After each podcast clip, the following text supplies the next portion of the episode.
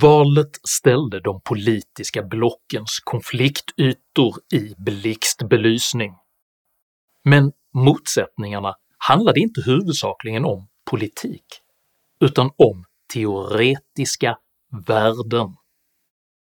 Vad är skillnaden på att gå till val på medmänsklighet, bättring och att alla ska med jämfört med ordning, sänkta priser och ambitionen att knäcka gängen. Vad säger dessa värdeord om det svenska tillståndet och vad händer om man prioriterar teoretiska värden före konkreta problem? Dessa frågor tar jag upp i veckans video om lyxåsikter.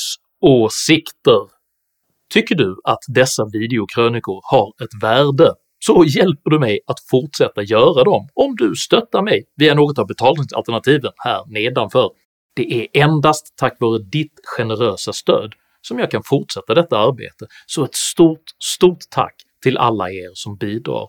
Jag släpper en aktuell ny videokrönika varenda lördagsmorgon klockan 08.00, så se till att prenumerera, bli notifierad och att följa min Substack.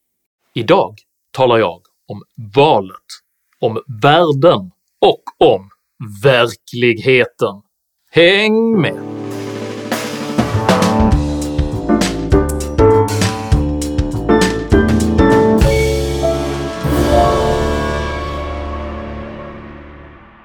–1943 introducerade den amerikanske psykologen Abraham Maslow en mänsklig prioriteringsmodell kallad behovstrappan.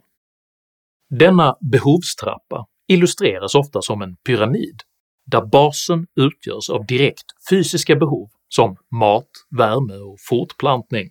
Dessa följs av trygghet, social gemenskap, status och slutligen av självförverkligande. Modellens utgångspunkt är att behoven på en lägre nivå måste vara tillfredsställda innan behoven på en högre nivå blir viktiga för individen. Det är till exempel osannolikt att en svältande person skulle lägga mycket tid på moraliska grubblerier eller att en person mitt under brinnande krig plötsligt skulle vilja diskutera sin sociala status. På motsvarande sätt kan man betrakta statens kärnuppdrag som en institutionalisering av Maslows behovstrappa. I första hand accepterar medborgarna beskattning i utbyte mot säkrad överlevnad, gemensam tillgång till rent vatten, stabil lagerhushållning för mat och ett robust energisystem för ljus och värme. I andra hand betalar folk för inre och yttre trygghet, alltså en fungerande ordningsmakt och ett militärt försvar. I tredje hand betalar medborgaren för sociala behov som omsorg, skola och vård. I fjärde hand kommer projekt rörande gemenskap, föreningsliv och social status och först i femte hand frågor rörande moral, mening och självförverkligande. Politiska slogans är i allmänhet avsiktligt så diffust formulerade att de ska kunna tolkas in i vilken del av behovstrappan som helst, men om vi tolkar de svenska partiernas kampanjbudskap utifrån deras avsedda emotionella påverkan så framträder ett tydligt mönster. Socialdemokraternas slogan “Vårt Sverige kan bättre” motsvarar nivå 3 och nivå 4 där “Vårt Sverige” är inriktat på gemenskapsupplevelsen och “kan bättre” är ett uttryck för att utveckla denna gemenskaps status. Miljöpartiets “alla ska med när Sverige ställer om” motsvarar nivå 4 och nivå 5. “Alla ska med” uttrycker ett socialt uppfordrande självförtroende och “Sverige ställer om” innebär förverkligandet av en radikal ny livsstil. Centerpartiets budskap “medmänsklighet, inte rasism” motsvarar uteslutande nivå 5 och är helt fokuserat på moraliskt självförverkligande. I andra änden av behovstrappan finner vi Sverigedemokraternas slogan “Sänkta bränslepriser”. Detta budskap motsvarar nivå 2 och uttrycker ekonomisk trygghet för bilberoende kärnfamiljer. Både Moderaternas kampanj “Nu får vi ordning på” och Kristdemokraternas “Redo att knäcka gängen” ligger mellan nivå 1 och nivå 2 eftersom de är inriktade på konkreta samhällsfrågor som energiförsörjning och brottsbekämpning. Hårddraget uttrycker Sveriges blockpolitiska positioner således ett moralistiskt vänsterblock i behovstrappans topp och ett praktiskt högerblock i behovstrappans botten. Hur blev det så här?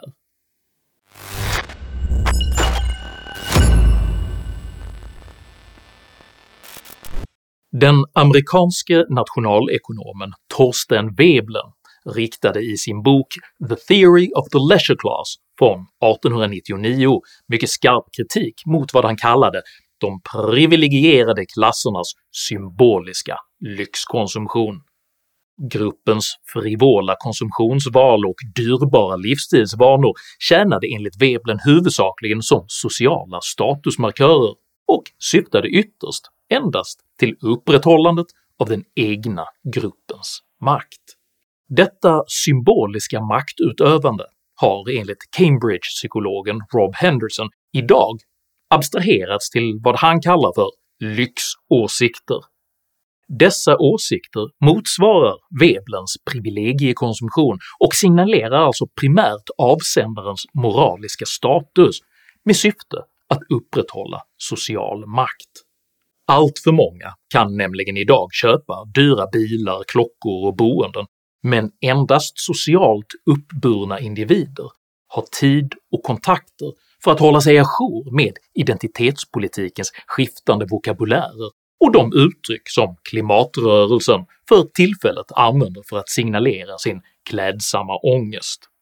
Upprätthållandet av denna grupps makt bygger enligt Henderson på uttrycket av socialt särskiljande åsikter i behovstrappans topp, vilka konsekvent reproduceras av uppburna politiker, journalister och opinionsbildare. Hur dessa lyxåsikter från behovstrappans topp kolliderar med verklighetens praktiska förutsättningar i behovstrappans botten illustrerades tydligt i veckans Agenda där det miljöpartistiska språkröret Per Bolund debatterade moderaternas energipolitiska talesperson Carl-Oskar Bolin under ledning av Sveriges Television-journalisten Camilla Kvartoft. Risk för rekordhöga elräkningar i vinter, men elpriset kan halveras om vi tillsammans sparar el, visar ny rapport från Energiforsk. Stora kampanjer för att minska elförbrukningen i våra grannländer, varför inte i Sverige? Frågeställningens utgångspunkt tar avstamp i behovstrappans översta två steg. Föreställningen att individens moraliska uppoffringar kan skapa ett högre gott resultat. Programmet relaterar dock aldrig ambitionen att spara 10% till någon praktisk förbrukningsnivå, vilket gör hela frågeställningen abstrakt. Europas energikonsumtion beror nämligen på hur kall vintern blir. Blir vintern mild går det att spara 10%, men om den blir kall går det sannolikt inte. Det är i sig fullt rimligt att styra mot ett så effektivt energiutnyttjande som möjligt, men den akuta energikrisen kräver även tillförsel av ny planerbar energi för att dämpa konkurser, massuppsägningar och produktionsstopp. Vi kommer behöva spara el ja. i vinter till följd av den situation vi befinner oss i. Men vi kommer också se till att försöka aktivera en stor mängd kraftproduktion som idag är inaktiv i systemet. Jag tror att det i grunden är rimligt att vi försöker spara el, men vi måste också göra en lång rad andra åtgärder, bland annat att öka elproduktionen i ja. Sverige. Det kan inte bara vara en diskussion om att spara, därför att vi måste i, i grunden komma ihåg att hela vårt välstånd drivs av energi som insatsvara. Detta stoppar dock inte Agenda-redaktionen från att ständigt återvända till den reduktionistiska vurmen för sparkrav, kampanjer och till och med lagstiftning. EU-kommissionen uppmanar alltså EU-länderna att dra ner elförbrukningen med 10% Varför har inte politikerna talat så mycket om behovet av att spara el? då? Elsparkampanjer. Är det dags att lansera en sån kampanj i Sverige? Att alla länder ska minska eh, elförbrukningen. Men om vi då tittar på frågan just med eh, att spara el, man gör det brottsligt att inte spara. Tålmodigt återkommer Bolin med svar från behovstrappans andra nivå, vilken handlar om att både företag och hushåll redan nu reagerar rationellt på de höga elpriserna och försöker rädda sina ekonomier helt utan behov av kampanjer. Vi har just nu så, så starka prissignaler att alla människor, alla företag eh, drar ner så mycket de kan som jag sa, vi kommer ha sådana prissignaler i systemet att ingen människa kommer att använda el för nöjes skull i vinter. Ja, men, som jag sa, jag tror inte att det finns någon människa som kommer att använda el i onödan så att säga. Det budskapet börjar nog gå fram. Det spelar inte heller någon roll att forskningsföretaget Energiforsks VD Marcus Wråke tidigare i programmet redan har förklarat att lokal överproduktion sänker elpriserna. Men om vi nu har en sån här överproduktion och exporterar väldigt mycket el, vad spelar det för roll då? Hur kan vi få ner elpriset genom att spara el här i Sverige då? Ja, det beror på att om vi sparar mer el så kan vi absolut, absolut, exportera mer också. De här pilarna skulle bli fetare om vi sparar. Men bara till en viss gräns. Alltså, kablarna blir också fulla och när de är fulla då sjunker priset i Sverige. De fulla kablar som Wråke refererar till hade alltså direkt tryckt ner det sydsvenska elpriset om Miljöpartiet inte hade tvingat fram nedstängningen av fyra kärnreaktorer. Konsekvenserna av en lyxåsikt ska nu mitigeras genom en annan lyxåsikt, nämligen att energikrisen ska kunna lösas genom subventionerad fastighetsisolering de satsningar som fanns med i budgeten, där hade ju Boverket redan gått ut och sagt till eh, fastighetsägare, både bostadsrättsföreningar och hyresrättsägare, att eh, här finns det pengar att söka. Nu kan ni göra insatser, nu kan ni isolera, nu kan ni se till så att vi sparar energin. Vi har ju sagt i, i valrörelsen att vi tycker att staten ska gå in och täcka 80 procent av kostnaderna för hushåll och företag mm. när man gör energieffektiviseringsinsatser. Det skulle ju verkligen skapa en morot som innebär att man utnyttjar den här möjligheten till max. Bortsett från den orimliga uppfattningen att Sveriges sklerotiska och allt mer oplanerbara energisystem skulle kunna stabiliseras genom isolering, så uttrycker språkrörets förhoppning om att subventionerna skulle utnyttjas till max ännu en lyxåsikt, nämligen föreställningen att statliga bidrag förutsägbart kan och bör styra ekonomin. En 80-procentig subventionering av energieffektiviseringar gör det dock även exempelvis ekonomiskt rationellt att ersätta en fem år gammal bergvärmepump med en helt ny subventionerad pump, trots att den gamla pumpen hade kunnat köras i 15 år till. Och detta hade säkerligen gjorts till max om Bolunds lyxåsikter hade omsatts i verklig politik. På motsvarande sätt havererade Miljöpartiets tidigare elcykelsubventioner på 350 miljoner kronor årligen eftersom de subventionerade elcyklarna inte ersatte de bilresor man hade hoppats på, utan istället ersatte medelklassens äldre och batterifria cyklar. För i behovstrappans botten trumfar ekonomi ideologi, oavsett toppens högstämda lyxåsikter.